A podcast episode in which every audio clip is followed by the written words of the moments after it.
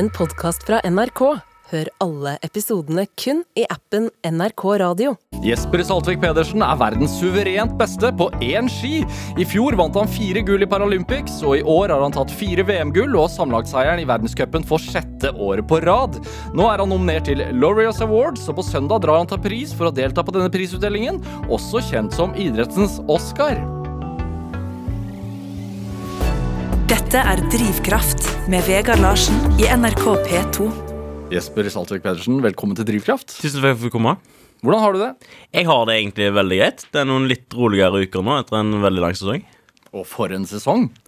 Ja, det, det har jo gått ganske bra de siste årene, egentlig. Så det, det er fint å være i den flyten da. Ja, det er ganske bra. Det er en understatement. Eh, kunne det gått bedre? Sånn sett under ett de siste sesongene, så kunne det kanskje ikke gått så mye bedre. Eh, så det har jo Vi har truffet på de tingene vi har gjort, men det, det, er mye hardt arbeid som ligger bak der, og mye bra planlegging fra teamet rundt meg. Eh, for det Ja, Du sier vi? Ja, selv Det er jo Det er jeg som står på ski, men det, det er ufattelig mange som, eh, som, man ikke ser når jeg suser ned, men som, eh, som gjør at uh, det er mulig, det vi holder på med. Så det, det er utrolig mange folk som står bak den medaljen der. Ja. Er det også litt for å ta presset av egne skuldre og, og, og si vi, og tenke på det som et lag? Egentlig ikke, tror jeg. Det er mer det å framheve at jeg ikke er alene om det. At det faktisk er, det er et lagarbeid. Selv om alpint er en individuell idrett, så er det, det er kun det de to minuttene vi står på ski. Utenom det så er det et lagarbeid. Ja. Så det, det, er noen smarte personer som har sagt det før meg. Hva? Men nei, det, det, er viktig det å framheve det. Og så er det jo kanskje det å At jeg jeg setter litt ekstra press på meg, da. At det, hvis jeg ikke presterer, så blir det en dårlig dag for uh, hele gjengen. Mm. så sånn sett så, så er det et lagarbeid der det er mine prestasjoner som gjør om det er suksess eller ikke. Hmm. Press? Føler du på det? Det er vel ikke mer press enn det jeg skaper selv. Jeg lever egentlig ganske fint med det. så så det å være komfortabel under press og klare å prestere under press det, det, er noe som trigger litt, og som gjør at det, det er gøy å holde på med det mer. Hvordan gjør du det når du står øh, Eller sitter, da. øverst i bakken. Øh, og når klokka tikker ned, for det er sånn, det piper jo ned. Mm. Hvordan distanserer du deg fra press og stress akkurat i de øyeblikkene der?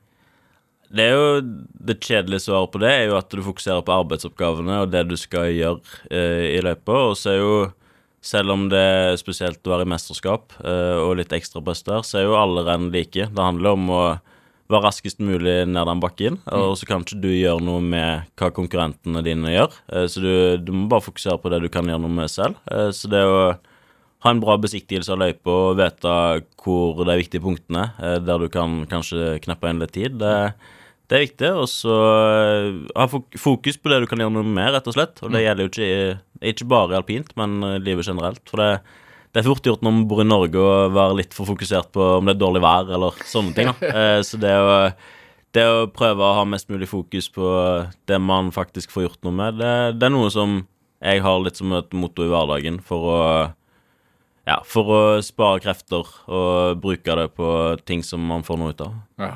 Hva er hemmeligheten, da? Å ikke bry seg om at det regner? Det er jo Det er en innstilling som vi bare vokste opp med, tror jeg. Eh, når man eh, sitter i rullestol, så nytter det jo liksom ikke å fokusere på det folk kan se på som problemer, eh, mm. men å heller ta det som utfordringer og finne løsninger på ting, og gjøre ting på din egen måte for å kunne være med i gymtimen på lik linje med alle andre, eller eh, ja, bare generelt, egentlig. For det det er en eh, sosial bit i det òg. Hvis, hvis, du først kommer utenfor et, uh, en arena der, så er det fort gjort å falle utenfor mer. Så nei, det, det er noe som er, har vært viktig for meg. Er det et fokus som andre kan uh, komme draende med? Sånn uh jeg tror at uh, det er mange som hadde hatt godt av å fokusere på uh, på ting som de kan løse. Mm. Eh, og det er litt det jeg håper at eh, vi som parautøvere kan vise eh, når vi har de utfordringene vi, gjør, eh, vi har, eh, men kan eh, gå ut på ski og kjøre 120 km i timen og vinne Paralympics gull, da, da, er liksom, da er det umulig mulig. Eh, og da, hvis jeg får til det, da kan folk kommer seg opp av sofaen og opp, opp i løypene, de også. Så nei, det er viktig.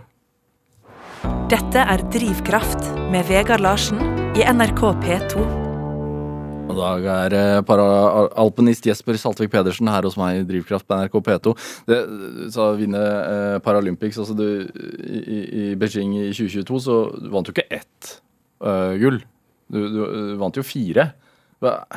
Og, og, i sesongen som har vært nå, så har du tatt fire VM-gull og sammenlagtseieren i verdenscupen for sjette år på rad. Altså, hva har vært høydepunktet de to siste årene? Sånn du ser, når du ser tilbake på det?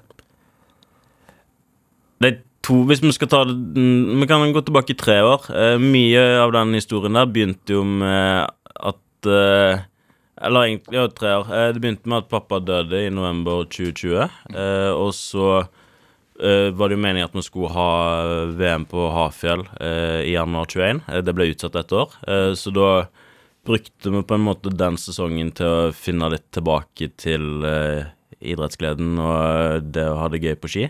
og og kanskje gjøre litt utenomsportslige ting. Eh, I 2021 så var vi i Veisona i Sveits, mm. eh, og der er det ganske vanlig at vi får en sånn fem kilos racletteost. Eh, så jeg fant ut at jeg hadde lyst til å gjøre noe mer, mer med det, da. Mm. Eh, så jeg og Det fikk vi andre med oss også. Ja, sant. Eh, så jeg og hun ene treneren min, Sunne Sofie Stangeland, eh, vi fant ut at vi skulle legge det ut på Instagram og vise at det er det vi får i premiepenger. Eller i premie. så, mm. for vi har jo fått med oss at folk ikke har fått det helt med seg. Eh, så den osten fikk jo bein å gå på. Jeg endte på Lindmo og litt sånt. Eh, og det endte jo med premiepenger på VM på Hafjell. Eh, på grunn av, på grunn av den. Ja. Så det er litt kult å kunne være med på en endring der, og sette paridretten på tapeten.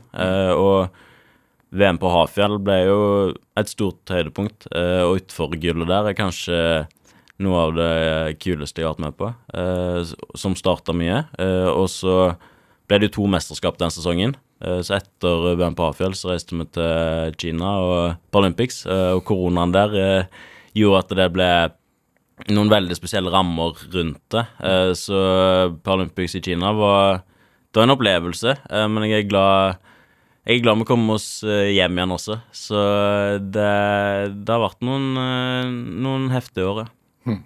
Forandret det ostestuntet livet ditt på et vis? Det, var, det ble jo på en måte en døråpner, ja. eh, og det har blitt mye oppmerksomhet rundt det senere. Eh, men samtidig så vil jeg ikke være ostegutten for all fremtid. Eh, så, så, det å ha fokus på det sportslige òg, og vise, vise hva vi gjør rent sportslig, det, det, tror jeg er viktig. Eh, men det syns jeg vi har fått til òg med de siste sesongene. Og så av og til så er det viktig at vi tar det litt ned og viser ja, hva vi faktisk kjemper om der, da. Mm. Eh, som ikke er så veldig mye, men da er kanskje idrettsgleden og den type ting litt mer i sentrum. Så, så det Nei, den sesongen der var heftig. Eh, jeg husker i Kina på jeg kom på Det ble sølv første rennet i utforen. Eh, det var en som kom litt bak i startfeltet, som ingen hadde egentlig trodd at skulle være helt med helt oppe, men han tok den, eh, og da var det det første Det var første, første renn i Kina. Eh, så da, da, var jeg kanskje litt mer eh, gira på å vise hvem som egentlig var sjef, da. Eh, hvordan er du da? Jeg, det er jo medaljemesterskap er jo det man eh, på en måte går for. Eh, men jeg hadde jo en ambisjon om å være med og kjempe helt i toppen i alderen. Eh, og som sagt så kan du ikke gjøre noe med det konkurrentene dine gjør.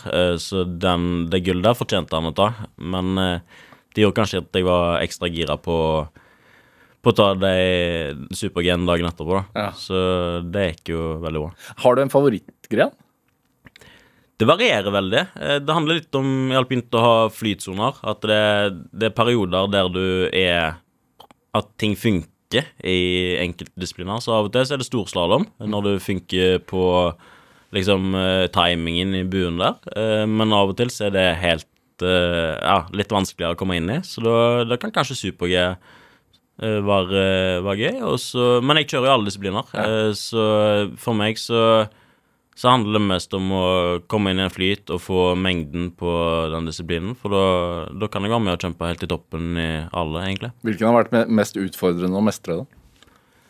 Slalåm er vel kanskje det som er vanskeligst på sitski, Mm. eh, fordi at det, det er litt mye som skjer, egentlig. Du, du Eh, sier sitski, jeg leser også sitteski.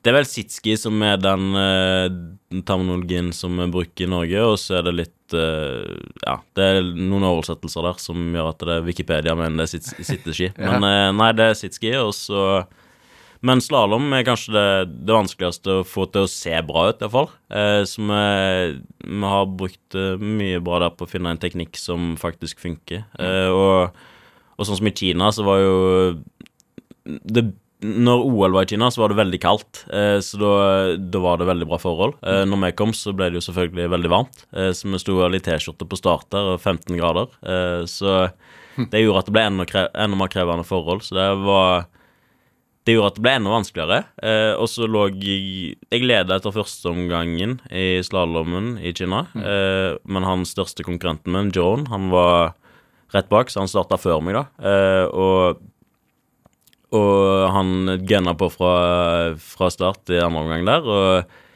jeg fikk egentlig ikke høre noen ting om hvordan det gikk med han, så jeg trodde at jeg måtte kjøre for livet, nærmest, i andre omgangen. Eh, og det var, det var siste rennet i Kina, så Så da var det jo det å finne de siste kreftene, da. Eh, og klare å faktisk eh, få ut sitt eh, Ja, de siste lille kreftene for å få ta ned det siste gullet. Eh, men, eh, men det jeg ikke fikk beskjed om på start, det var at han kjørte ut i siste henget.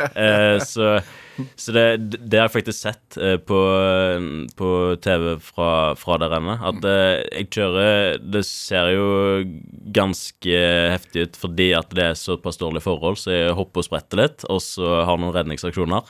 Det blir fort, det. Men jeg ser liksom I sidesynet mitt så ser jeg han stå på siden av løypa i siste henget, så da, da liksom vet jeg at da, da har han kjørt ut, og da kan jeg kanskje ikke ofre alt siste porten. Nei, det er dumt å kjøre ut siste porten. ja. så du ser at jeg tar det litt roligere siste der. Men det Jeg får kanskje med meg litt mer rundt enn det jeg egentlig bør. For jeg skal jo egentlig bare ha fokus på det jeg skal gjøre akkurat der og da. Men eh, jeg har det overblikket. Men er eh, taktisk smart av treneren kanskje å ikke fortelle deg det? Ja, på en måte, for da kan det være at jeg hadde s- i hermetegn safa litt for mye. Eh, så sånn sett så er det jo viktig å prøve å få ut eh, det beste alltid. Eh, og det er jo noe Det er et psykisk aspekt òg med, med alpint. Å klare å alltid leve på grensa av hva som er bra med tanke på risiko og sånn. Eh, for du må jo Du må presse de grensene for å stå igjen med gull til slutt. Men eh, nei, det, det er en balansegang. Er du redd noen gang? Vi har såpass eh, Vi har vel 200 reisedøgn i året. Eh, så vi har såpass mange dager på ski, så jeg føler liksom jeg har vært eh, innom de fleste situasjonene som jeg kommer innom i renn også. Og det gjør at jeg har en trygghet som gjør at jeg Jeg vet at jeg har vært utenfor det før.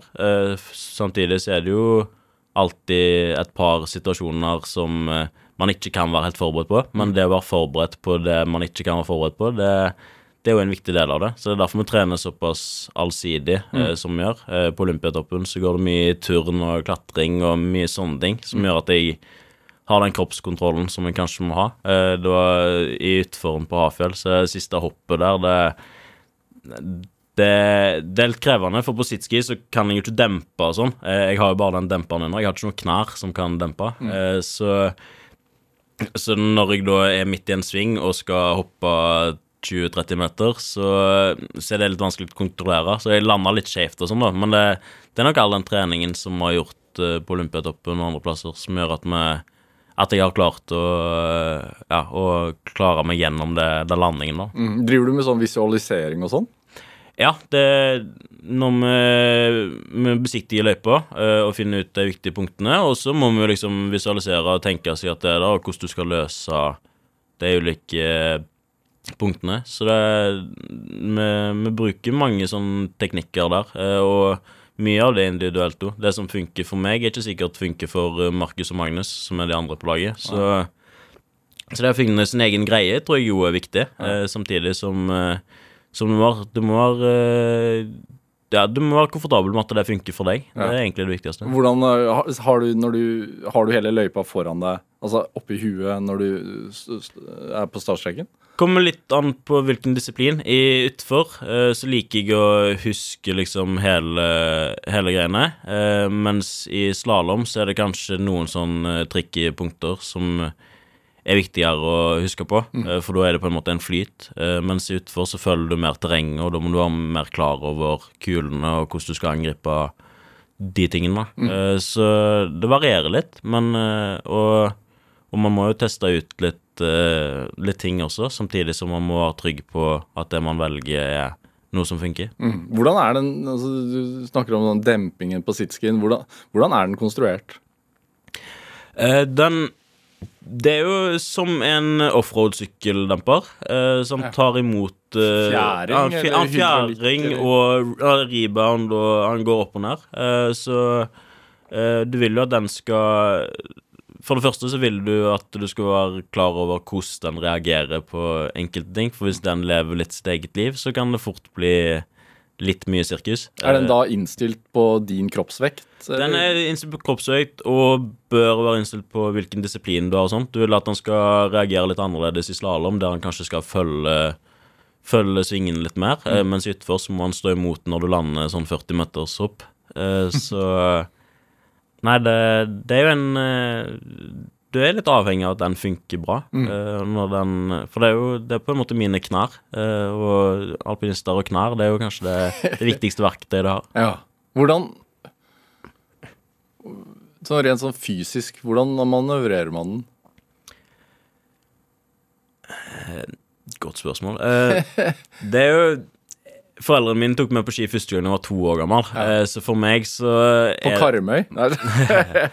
Ja, nei, Karmøy er en plass uten verken snø eller fjell, så jeg har ikke vært på ski der. Men eh, nei, jeg har vært eh, heldig med foreldre som tok meg på ski så tidlig, eh, og viste meg en arena som jeg kunne mestre. Eh, men eh, Var det altså en sitski?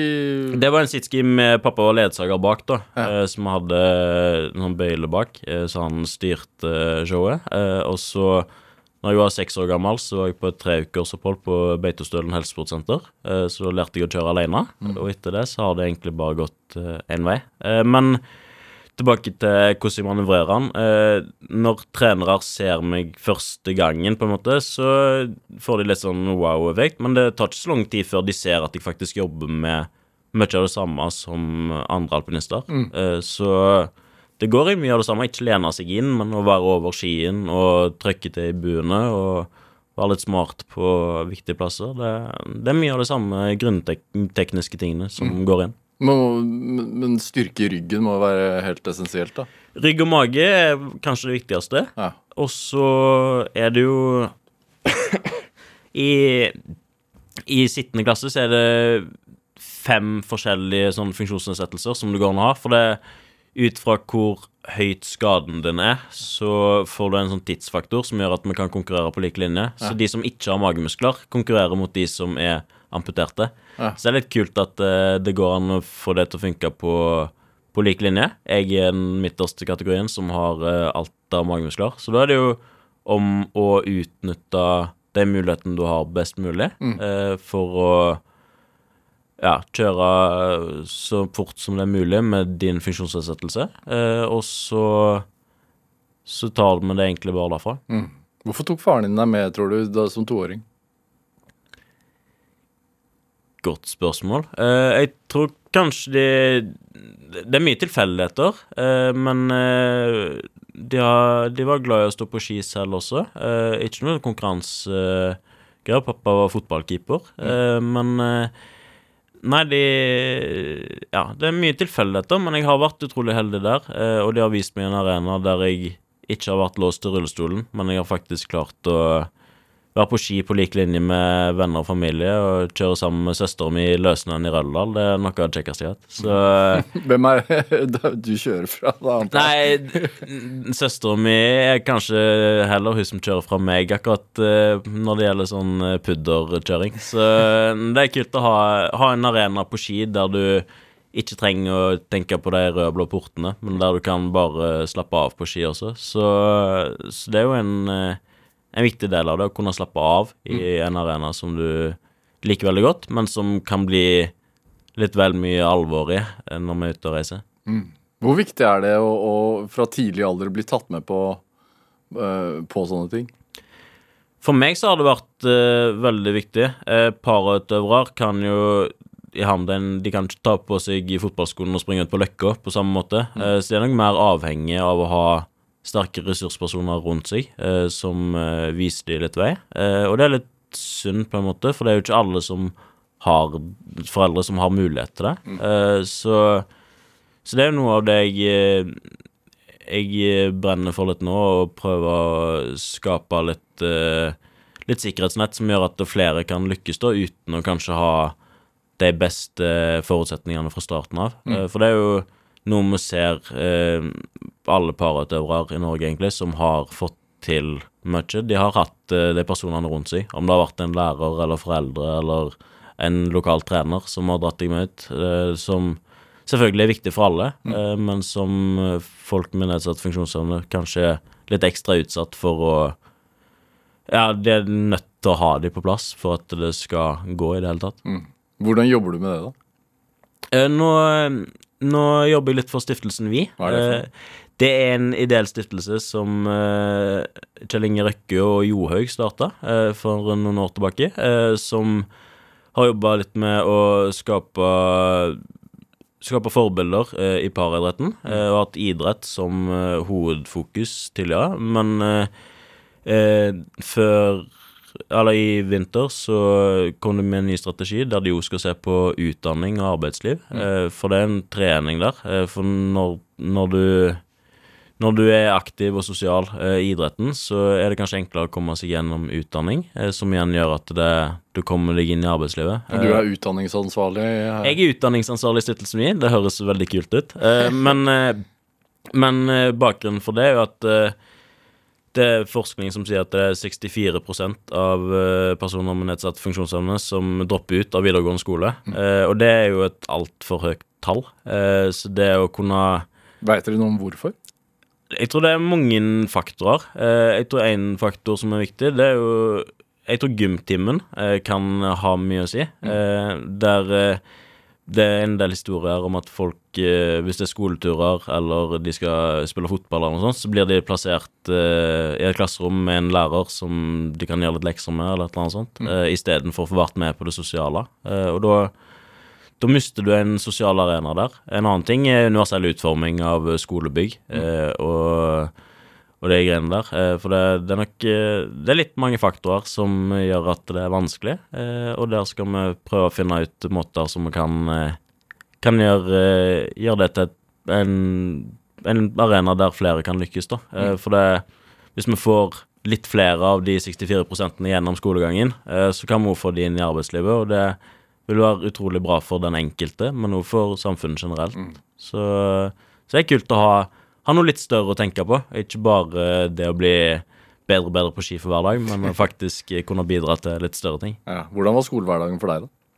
Jeg har vært eh, veldig heldig på, på alle arenaer, egentlig, eh, med lærere eh, som tidlig tok, tok meg på alvor og har hatt en dialog med meg, eh, der vi sammen finner ut av, eh, av hva jeg kan få til. Eh, for det, det er jo Ingen er like, eh, og alle er på en måte individuelle og, og, og har sin egen måte å løse ting på. Så det å ha at lærere og trenere ikke er redd for å spørre den enkelte om hvordan de kan løse det for at de skal få opplevd ting på best mulig måte, det tror jeg er viktig. Og takhøyden der er kanskje litt for høy hos mange, for de er redd for at det skal kreve for mye å faktisk få det til. Så så det, det tror jeg er viktig, at eh, folk ikke er redd for å spørre hvis det er noe. Har du måttet ta den plassen, eller?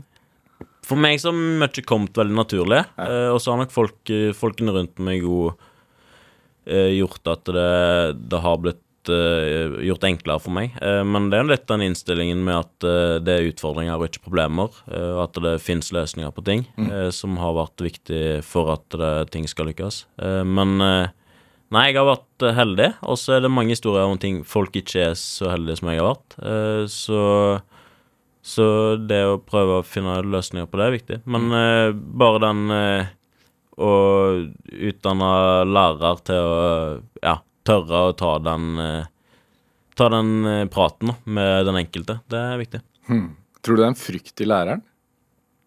Det er mulig, men det er jo ikke bare læreren eh, det er snakk om. Det er jo trenere i lokale klubber og sånt ja. som tror kanskje at det er litt for mye eh, tilpasning som skal til. Eh, Men eh, sånn som i skik, Plogen skiklubb i Haugesund, ja. som tok meg inn når jeg var ti det, Jeg har fått eh, like mye kjeft og skryt som mine funksjonsfriske medalpinister der. Eh, For det, det er viktig at du ser ser hele personen, og ikke bare funksjonsnedsettelsen. At du, at du blir stilt krav til henne, tror jeg er viktig. For det kan fort bli litt for mye puter under armene. Men at du, du blir stilt krav på, samtidig som at det blir lagt opp til at du kan løse ting på din egen måte. Det, det er viktig, og det gjelder ikke bare i skolen, og ikke bare i, i, på fritiden og i trening, men egentlig overalt.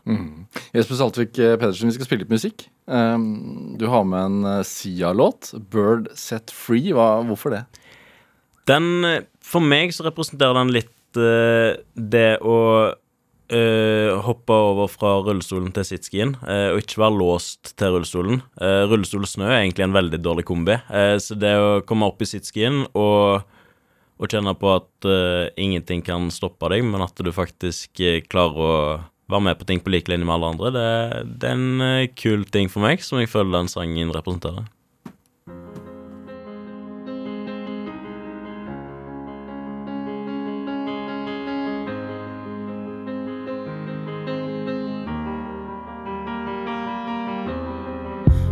Wings, I was a broken thing. Had a voice, had a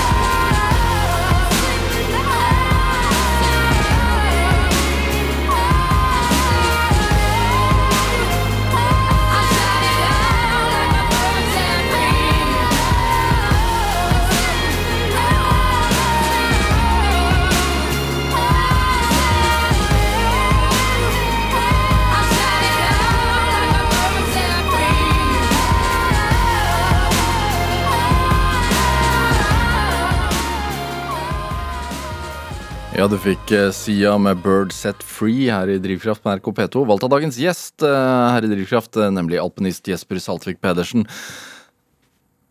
Også, du har jo, som vi har vært inne på her, du har jo vunnet så å si alt som kan vinnes eh, i, i, paralpint. Eh, men jeg veit at du har et annet ganske hårete mål eh, om å bli verdens raskeste kjelkekjører. Eller hva skal man si? Hva, hva, verdens raskeste menneske på et umotorisert fartøy, er det noe sånt? Nima sier vel bare 'verdens raskeste menneske', tror jeg. Så, eh, han er jo flink til til å si det på sin måte. Så Hva er dette her for noe? Nei, det er Nima Shahinian, som dere har hatt som gjest tidligere, som, eh, som har, en, har hatt en drøm om å skape verdens raskeste objekt som ikke har eh, motor. Eh, så det har jo jeg da forvilla meg inn i og sagt ja til å være pilot for. Eh, så det For å Går, går ikke fort nok i alpinbakken, si. Nei, sant, men det, det er kult å ha noen sånne eh, prosjekter på siden. Eh, men eh,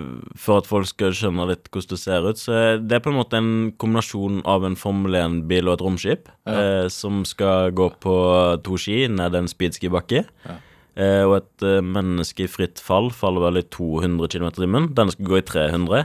Så det, det sier litt om, eh, om hastighetene der. Så det, jeg tror ikke det går helt an å å forestille seg, egentlig. Eh, samtidig som, så mener de jo at det å kjøre i 120-130 på én ski, det jeg gjør til vanlig, eh, er farligere enn det der, for der skal jeg være inne i en kapsel, og de mener iallfall at sikkerheten skal på plass. Ja. Eh, så Nei, det er kult å, å være en del av det prosjektet, og der har de jo ikke valgt meg fordi jeg sitter i rullestol, men det er fordi jeg har den kompetansen jeg har på ski. Ja. Så så det, det håper jeg blir, eh, blir en kul greie. Er det viktig å, å bli valgt pga. kompetanse og ikke pga. noe annet? For meg så, så er det egentlig en litt viktig greie, for det viser jo at det, vi holder på med dette på lik linje med alle andre, og vi er toppidrettsutøvere på lik linje, så, så dette prosjektet kan være med på å få fram det, tror jeg. Hvor, hvor ligger dere i løypa nå, da? Vi er fortsatt uh, litt i startfasen. Uh, Nima det hadde jo en del uh, sånn uh, vindtunneltestinger før jeg kom inn, inn i bildet. Så de har fått gjort en del greier før jeg kom inn. Og så skal vi få lagt en prototype og få testa litt bremsfunksjoner og sånn. For jeg tror det, det er greit å ha bremsene på plass før vi setter oss ut de brattestbakkene. Ja. Wow. Men er det, har dere noe tidsaspekt? Altså er det, Ser dere for dere dette er i 2024, eller hva? Det er snakk om eh, i løpet av 2024 en gang, ja. Eh, men det er en del ting som må på plass ennå, så det det, det blir kult. Jeg tar det, jeg tar det litt som det kommer. Det, jeg har hovedfokus på det jeg skal gjøre på ski, og så eh, gleder jeg meg til å komme i gang med dette også. Ja. Guinness rekordbok, da, sikkert. Helt sikkert. Det må, har det vært en barndomsdrøm? Det, jeg har jo hatt de bøkene hjemme, så det å være, være den selv har kanskje ikke vært noe jeg har tenkt på egentlig, men Nei. det høres jo ganske kult ut, da. Ja. Når du sier hjemme, er det Karmøy? Hjemme er Karmøy, ja. Ja. eh, for de som ikke har vært der, hva slags plass er det? Det er jo Vi liker å si at vi har Norges fineste strand, så, men det er jo en eh, plass der det, det er sjeldent vindstille, for å si det sånn. Ja. Eh, Så det blåser en del. Men eh, det er jo veldig fint, da. Men eh, samtidig så hører jeg jo fra de lokale at de skjønner ikke helt at jeg kan bli så god på ski som jeg har blitt når jeg er derfra. For det er jo verken snø eller fjell. Så så sånn sett så Ja, men samtidig så er det Det er bare to timer, så er du i Røldal. Så det er muligheter, men det, du er nødt til å være ha mulighet til å kjøre litt mer i bil enn kanskje vanlig. Hvor mange bor der? Cirka?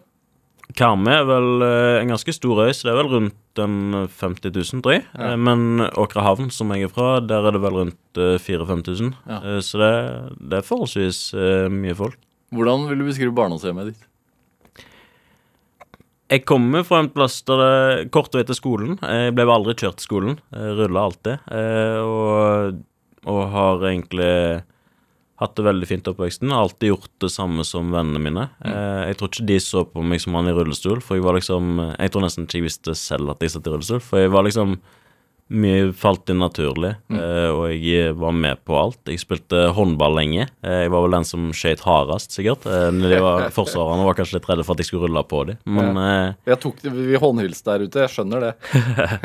Nei, det, jeg spilte håndball. Jeg var, jeg var fotballkeeper på barneskolen, og så ble jeg fotballdommer etter hvert. Eh, så det var, det var en måte for meg å være med, være med på ting. Jeg drev med friidrett. eh, har liksom Ja, jeg har gjort stort sett eh, det meste som alle andre, så så det har vært egentlig viktig å ikke sette begrensninger, men å finne måter jeg kan gjøre ting på min måte på. Du, du fortalte at faren din var gammel fotballkeeper, men hva, hva drev du med da du kom til verden? Eh, pappa jobber på plattform, eh, så han eh, hadde en turnus der, og etter hvert så, så begynte han Så ble han vel verftsleder på Able i Haugesund. Eh, så der, og mamma er lærer, så det Vi har hatt det veldig bra, og har alltid hatt eh, hytte eller leilighet på fjellet, så vi har liksom jeg har vært på ski stort sett hver helg, eh, og det er ikke sikkert alle vennene mine skjønte så mye av det, så jeg jeg gikk kanskje glipp av noen av de der eh, sosiale arenaene eh, hjemme, eh, men samtidig så så må man jo Jeg vil ikke si ofre noe, men man må prioritere. Eh, så for oss så har det jo vært eh, på ski, det har liksom vært det som har vært tingen, og det har leda meg til der jeg er i dag. Så det, det er på ingen måte noe jeg angrer på, men eh, det handler litt om å prioritere. Så det er kanskje noen sånne sosiale arenaer som jeg ikke har eh, hatt hjemme, men som jeg har fått med den gjengen som jeg har vært på ski med. Spør man enhver toppidrettsutøver, så er det vel nesten sånn. Ja, jeg tror det, det er alltid noe du må fra. Du, du kan ikke bli med på alle fester og alt sånt. Så, og det, det er nok eh, Det er en del av gamet, det. Uh, og jeg, det er ikke sånn at jeg går rundt og føler at jeg har, uh, har mista noe, for jeg har fått så sykt mye igjen for det jeg har, uh, det jeg har gjort med tanke på vennskap og, og det å føle på mestringsfølelse, som, eh, som er ganske kult. Du er født, født med ryggmargsbrokk. Stemmer. Hva er det?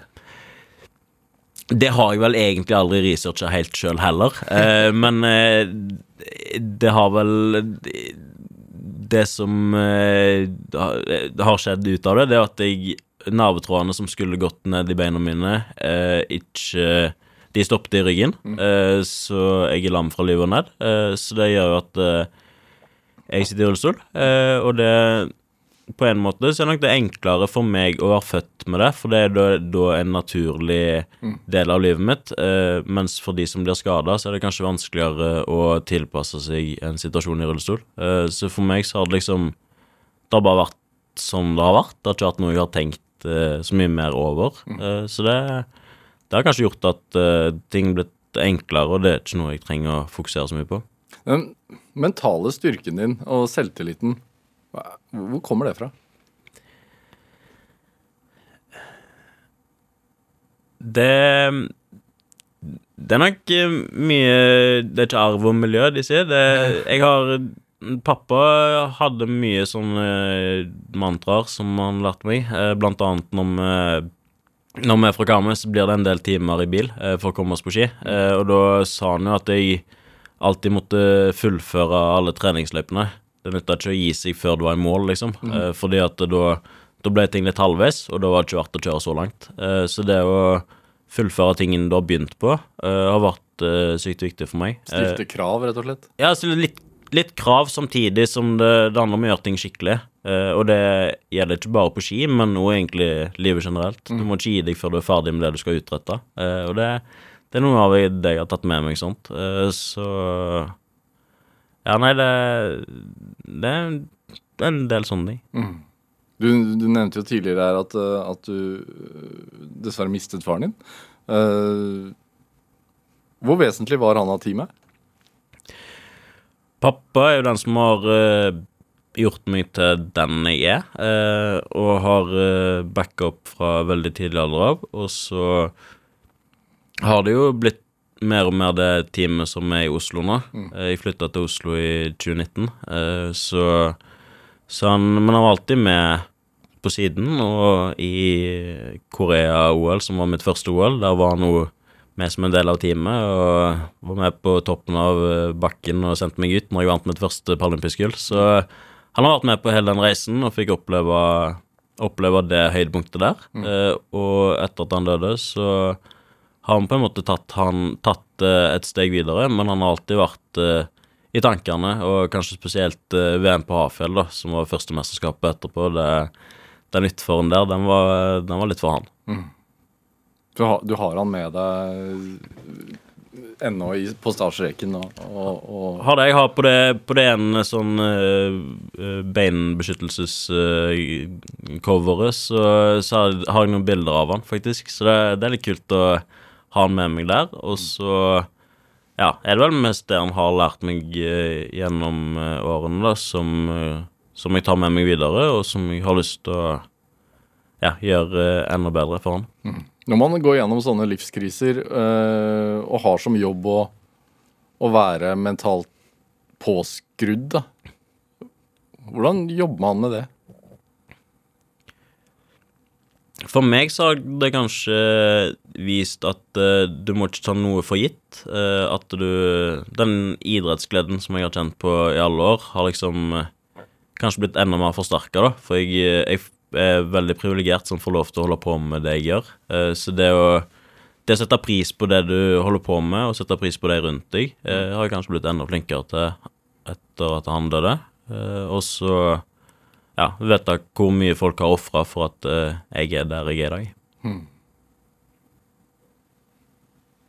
Er det sånn som nå uh, når, når du er nominert til den derre Laureus Awards, uh, som jo er en høythengende idrettspris Du reiser til Paris på søndag, veit jeg, og utdelingen er på mandag. sammen med, med de største idrettsstjernene i verden. Eh, hva betyr det? Det er jo kult å bli satt pris på for eh, det du har gjort. eh, og det siste året, sånn sportslig sett, så kunne jeg ikke gjort det så veldig mye bedre. Det går an å si det. Mm. men jeg er en av seks eh, nominerte til Årets parautøver i verden. Høres litt kult ut. Eh, som eh, alle seks nominerte har gjort det sykt bra i sin idrett. Og det, det er nok vanskelig å sette idretter opp mot hverandre. Eh, så jeg er glad jeg ikke er en del av juryen, for å si, det sånn. Men eh, det blir en eh, det blir en kul tur eh, som jeg og søsteren min skal reise på. Eh, så jeg gleder meg til det, og så får vi se hvordan det går. Men bare det å være nominert det er jo helt sykt, egentlig. Så det, jeg gleder meg. Er det du, er det noen forbilder der? Mange forbilder. Eh, han eh, er, Det er med to norske som er nominert, jeg og Jakob Ingebrigtsen. Mm. og så har du selvfølgelig Mbappe og Rafael Nadal og Ja, det er jo det er store navn, da. Nadal har jeg jo sett på Sett på TV når vi var på Mallorca når jeg var liten, og så han som var fra Mallorca, var helt rå i alle tenniskonkurranser. Eh, og og selvfølgelig Christian Eriksen er jo nominert til årets comeback. Eh, og Fotballspilleren. Fotballspilleren danske som- fotballspilleren. danske Hjerte- ja. han eh, døde jo eh, i EM, og så er han tilbake og spiller for Manchester United, som jeg er jo litt inhabil og heier på. Men, eh, men den reisen han har hatt, det, det er ganske sterkt, egentlig, å se at, hvordan han har kommet seg tilbake igjen. Ja. Blir du Det å motivere andre eh, Du er bare 23 år, men det virker som om det er, er også veldig viktig for deg. Jeg er litt bevisst på den rollen jeg har, da, og vise at, uh, at jeg, når jeg får ting til, så er det ikke mulig for andre heller å få ting til. Så, så det å være litt døråpner for paraidretten, det, det er noe jeg håper å være med og bidra til.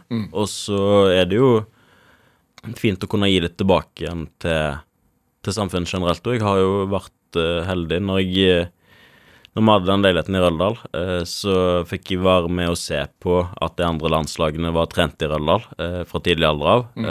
og, og det å få se Aksel Svindal og Kjetil Jansrud når de kjører der, det, det var helt rått. Og etter hvert så fikk jeg jo være med eh, på de treningene. Eh, så det, det å stå på trening på start med Aksel Svindal, det, det er noe av det største som går an å gjøre når du driver med alpint. Så det har vært en del forbilder rundt omkring der. Du, du- viser jo på mange måter at ingenting er umulig også. Så er det Det at dere nå er inne under FIS, har det, er det en seier?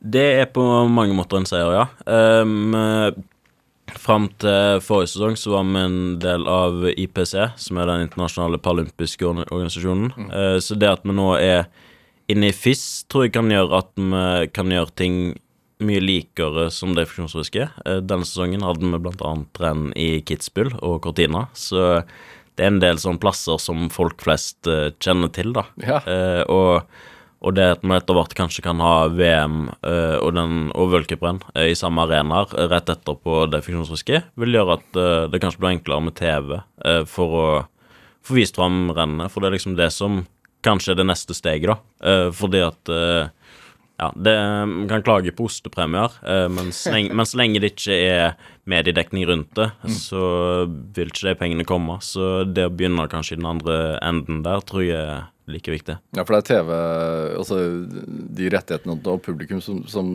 som genererer inntektene, rett og slett. Ja, vi trenger TV og publikum for at vi skal komme et steg videre nå. Så det, det å jobbe for at vi blir tatt på alvor der og blir eh, vist for publikum, det tror jeg er viktig. Eh, og VM på Hafjell viste jo at folk er interessert i det når de får det servert. Når, man ser, Eh, for, for, for, når det ja. blir sendt, ja. Men det, det er litt vanskelig å, for de å lete det fram, iallfall. Ja. Så det, jo, det at det er tilgjengelig, det er viktig. Så det, jo, det å jobbe for at det blir tatt seriøst, det, det er jo en, en del som står på, på blokka mi framover. Hvordan klarer du å kombinere alt dette her med, med engasjementet i Vi og, og, og det å være verdens beste eh, paraalpinist eh, med det å studere? Jeg er jo politisk eh, interessert, da, og liker å følge med på ting rundt meg. Jeg tror det, det gir meg litt ekstra å ha noe annet enn bare røde og blå porter å fokusere på. Så for meg så er det kult og, og viktig, og det gir meg kanskje noe mer å faktisk eh, ha en del av de interessene rundt bare det å kjøre fortest mulig på ski, da. Så det er liksom to sider av det. Det er det å bli best mulig. Alpint er jo en idrett der den perfekte svingen ikke er kjørt ennå, så det er alltid mulig å bli litt bedre. Så det, det er vel noe som driver meg. Og så, men noe generelt å få paridretten opp og fram, og bidra, og bidra til det, samtidig som vi fortsetter på det vi har starta på. Det, det er ganske kult. Hva vil du med statsvitenskapene? Nei, det Jeg har ikke stengt noen dører ennå, eh, så det er jo det Det er kult å ha noe annet å, å tenke på. Eh, alpint er jo en utendørsidrett, så når det er avlyste dager og sånn, så er det greit å ha ha noe, ikke bare Netflix, men at du faktisk eh, kan gjøre noe som gir mening. Det, det er litt uh, greit, egentlig. Ja. Politiker? Jeg vet ikke om jeg har behov for å være frontfiguren, men kanskje noen baki der som sier hva politikerne skal, skal si. En eller annen rådgiver eller et eller annet. Ja. Det, det er mye muligheter. Hva er de store utfordringene som politikerne burde tatt mer på alvor i forhold til det å være funksjonsnedsettet? Eh, Altså ha en funksjonsnedsettelse? Det er jo Samfunnet er kanskje bygd for det A4-mennesket, eh, men ingen er jo helt A4. Hvordan, Eh, hvordan merker du det? At, at det er, bygd for A4-mennesket? Det er noen sånn eh, En trapp her og der som gjør at livet er vanskelig. En del butikker som har trapper og ikke er tilgjengelige, rett og slett. Så det å stille litt mer krav til universell utforming kan være noe. En annen ting er jo det jeg jobber med med Stiftelsen Ny, med tanke på å få flere gjennom utdanningen. Eh, det, å, det å legge opp til at lærerne vet hvordan de skal ta tak i sånne problemstillinger med funksjonsnedsatte elever, det, det er mye som kan bli gjort bedre. Så det, er det at fokuset kommer på plass der, tror jeg er viktig for at eh, det skal gå framover, det også. Hva er den Hva er den liksom mest opplagte Altså sånne ting man egentlig kanskje ikke tenker på, men som er en utfordring? Trapp er jo én ting, men det, det, det er på en måte så opplagt. Ja, trapper og sånn er opplagt, men jeg tror kanskje den eh, holdnings... eh, at det må en holdningsendring til, da. Eh, at folk flest må tørre å, å spør om noe hvis de lurer på noe. Eh, og at og folk med funksjonsnedsettelser skal være en naturlig del av samfunnet. Eh, for nå er det jo sånn at hvis jeg ser noen andre i rullestol på Karl Johan, så blir jeg jo liksom Wow, så kult. Eh, men det er ikke ofte jeg ser det. Så det at vi blir en mer naturlig del av samfunnet og bybildet, tror jeg Der har vi en vei å gå. Hvorfor er, hvorfor er det sånn, tror du? Jeg tror det, det handler litt om tilgjengelighet. Uh, universell utformingen. De trappene som gjør at det, det, er kanskje, det er kanskje noen terskler som gjør at du ikke kommer deg ut. Uh, men, eh, Men nå det er litt kanskje det hos den enkelte òg, at de holder på med på ski, og viser at uh, alt er mulig hvis du bare går inn for det. Så det er enkelt for meg å si, uh, som har fått til en del. Men det å kunne bidra til at folk kanskje prøver litt ekstra på, på sånne ting, tror jeg eh, kan bidra til noe positivt. Trikken. Trikken jobbes med. Eh, det, det er noen trikker som har litt for mange trapper, så den, eh, den er litt tricky. Men de nye de, Den er men, Den er litt tricky. Men de, men de nye trikkene er bra. Så kollektivtrafikken funker egentlig ganske bra. Eh, og så er det en del ting som gjøres der også for at det, det skal bli helt universelt utforma. Men eh, jeg opplever at fokuset er på plass hos mange, og så må vi bare jobbe på for at det blir tatt videre. For det er ingenting som gjør seg selv. Når du, Jesper Saltvik Pedersen, når du har vunnet eh, såpass mye eh, som du har gjort, hva, hvordan motiverer man seg for videre satsing? Altså det d- Fordi det å nå pallen én gang er jo, er jo et mål, ikke sant? Og så når man det, og så når man det igjen, og så når man det igjen.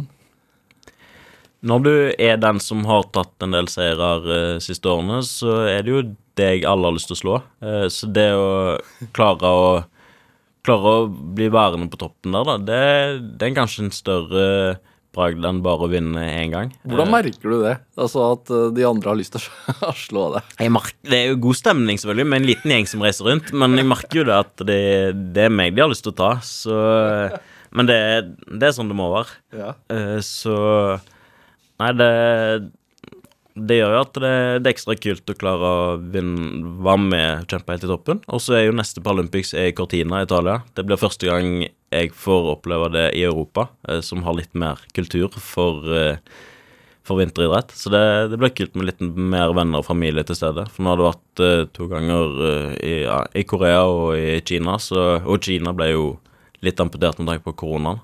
Eh, Så jeg gleder meg veldig til Cortina 2026. Hvor viktig er det sosiale?